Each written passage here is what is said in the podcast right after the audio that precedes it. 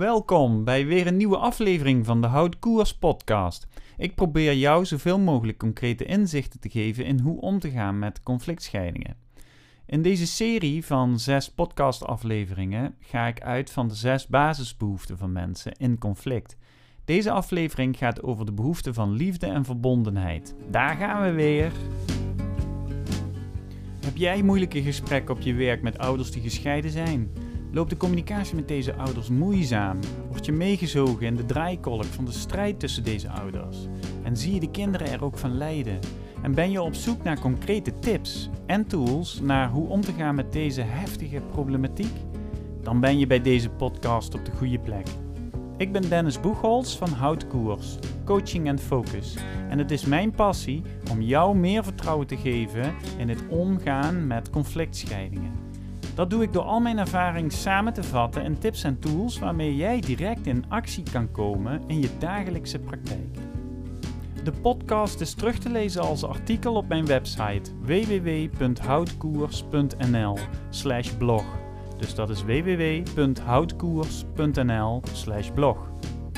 Op deze website vind je ook meer informatie over de mogelijkheden voor coaching in jouw team of individueel. En dan nu snel naar de podcast. Oké, daar gaan we weer, inderdaad. Ehm, de zes menselijke behoeften zijn geen doelen en geen wensen. Het zijn die dingen, dingen waar mensen vanuit hun natuur behoefte aan hebben. En wat hun gedrag daarmee voor een deel verklaart. We hebben allemaal dezelfde zes menselijke behoeften. Maar voor ieder mens zijn verschillende behoeften het meest belangrijk. Als ik moeilijke gesprekken heb met mensen die in conflict zijn, komen deze menselijke behoeften sterk naar voren. Ik hoop dat je in deze podcast inzicht krijgt in wat voor invloed deze behoeften hebben, zodat je meer vertrouwen krijgt, zelf meer vertrouwen krijgt in gesprekken met ouders in conflictscheiding. De zes menselijke behoeften zijn zekerheid, 2. variatie, 3. betekenis, 4. liefde en groei, en dit zijn de behoeften die alles met je persoonlijkheid hebben te maken. En de laatste twee zijn vijf groei en zes een bijdrage leveren. En die laatste twee, dat zijn spirituele behoeften.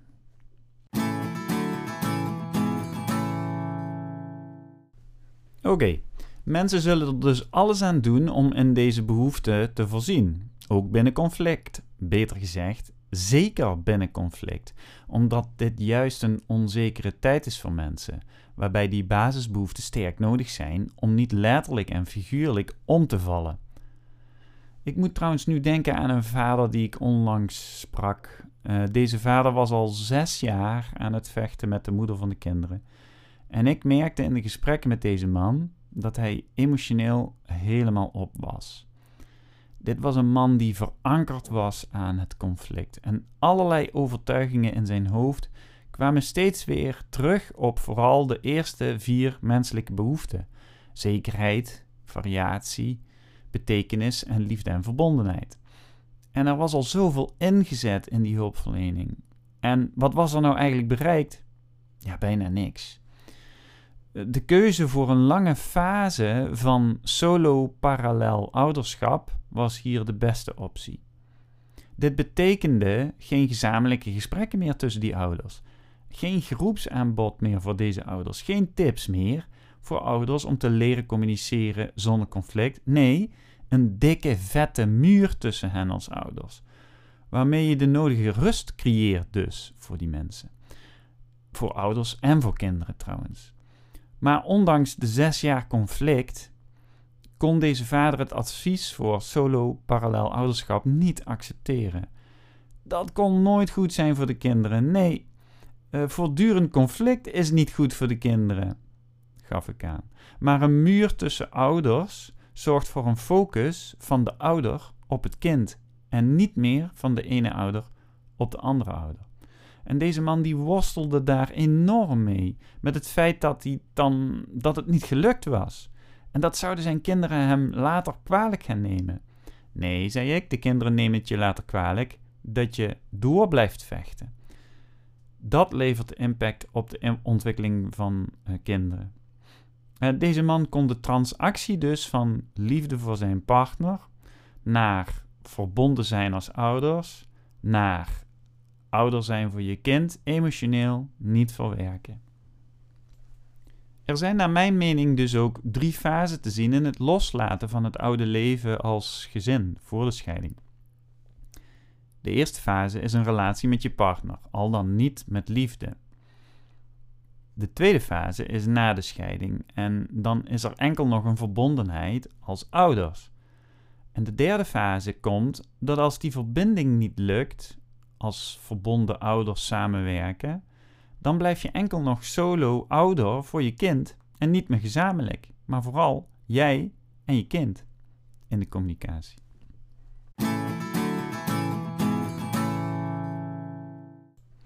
Vandaag wil ik je meenemen in zeven inzichten rondom liefde en verbondenheid en de behoefte aan liefde en verbondenheid bij conflictscheidingen.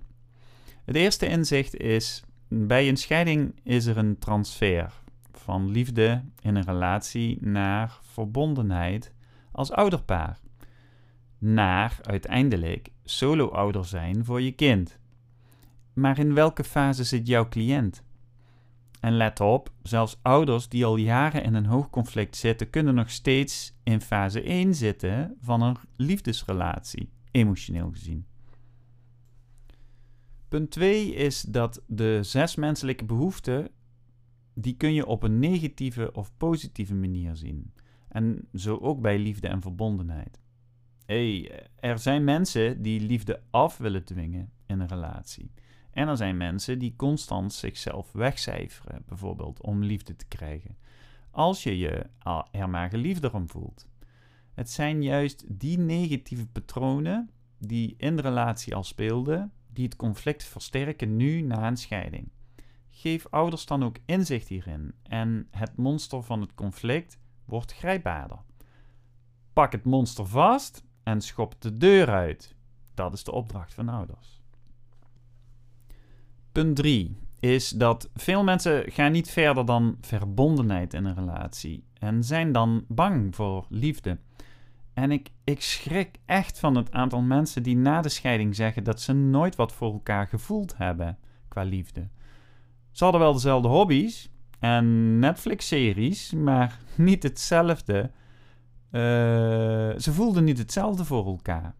En sommigen die hielden dat wel twintig jaar vol op die manier. Maar ik betrap ouders er vaak ook op dat bij een conflict gezegd wordt: Je hebt nooit van mij gehouden. Maar wat is er dan aan gedaan in al die tijd? Niks vaak. Het helpt mensen om te zeggen dat ze nu als ouders verder kunnen. Dat is ook een relatie. Vooral die van jou en het kind. Maar hopelijk ook in de samenwerking tussen jullie. Verder is er niks meer. Jullie hebben geen andere relatie nog. Lieve Cotin van de Interactieacademie zet hier ook strak een muur tussen ouders. De lijn ouder-ouder dus de communicatie tussen ouder en ouder, die is voorbij. De lijn ouder en kind, die is er nog.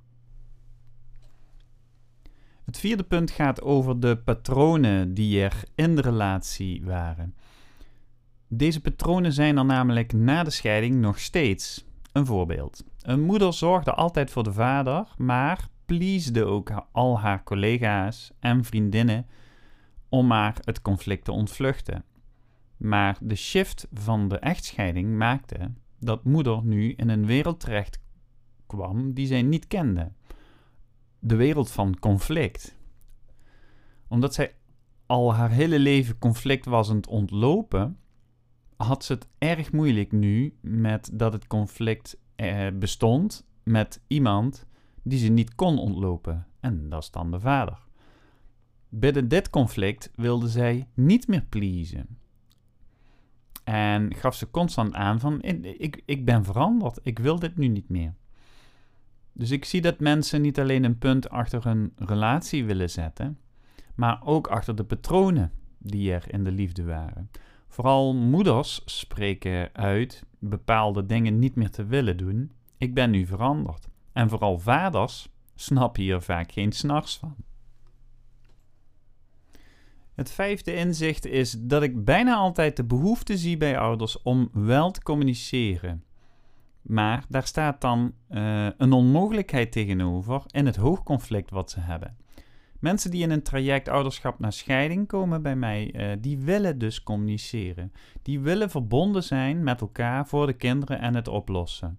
En daarin moet je ook geloven dat ze dat willen. Hoe hard ze ook schreeuwen, ze zitten er wel. Maar waarom gaat het dan bij de eerste zin van die andere ouder dan al vaak fout? Juist bij de mensen die nog vers in de emotie van het scheiden zitten, moeten dus nog leren dat die liefde, die liefdesrelatie en die verbondenheid met elkaar als partners, dat die voorbij is. En dat de fase van verbondenheid als ouders is aangebroken. En ouders weten niet hoe zich, zich, zich te gedragen als gescheiden mensen. En dit leg ik ook zo uit aan ouders. Ik zie dat jullie erg graag dingen aan elkaar duidelijk willen maken. En dat jullie het echt goed willen doen voor die kinderen. Wat goed. En jullie zitten echt dicht bij een volgende fase. Maar dat is een andere fase dan die van de relatie die er was.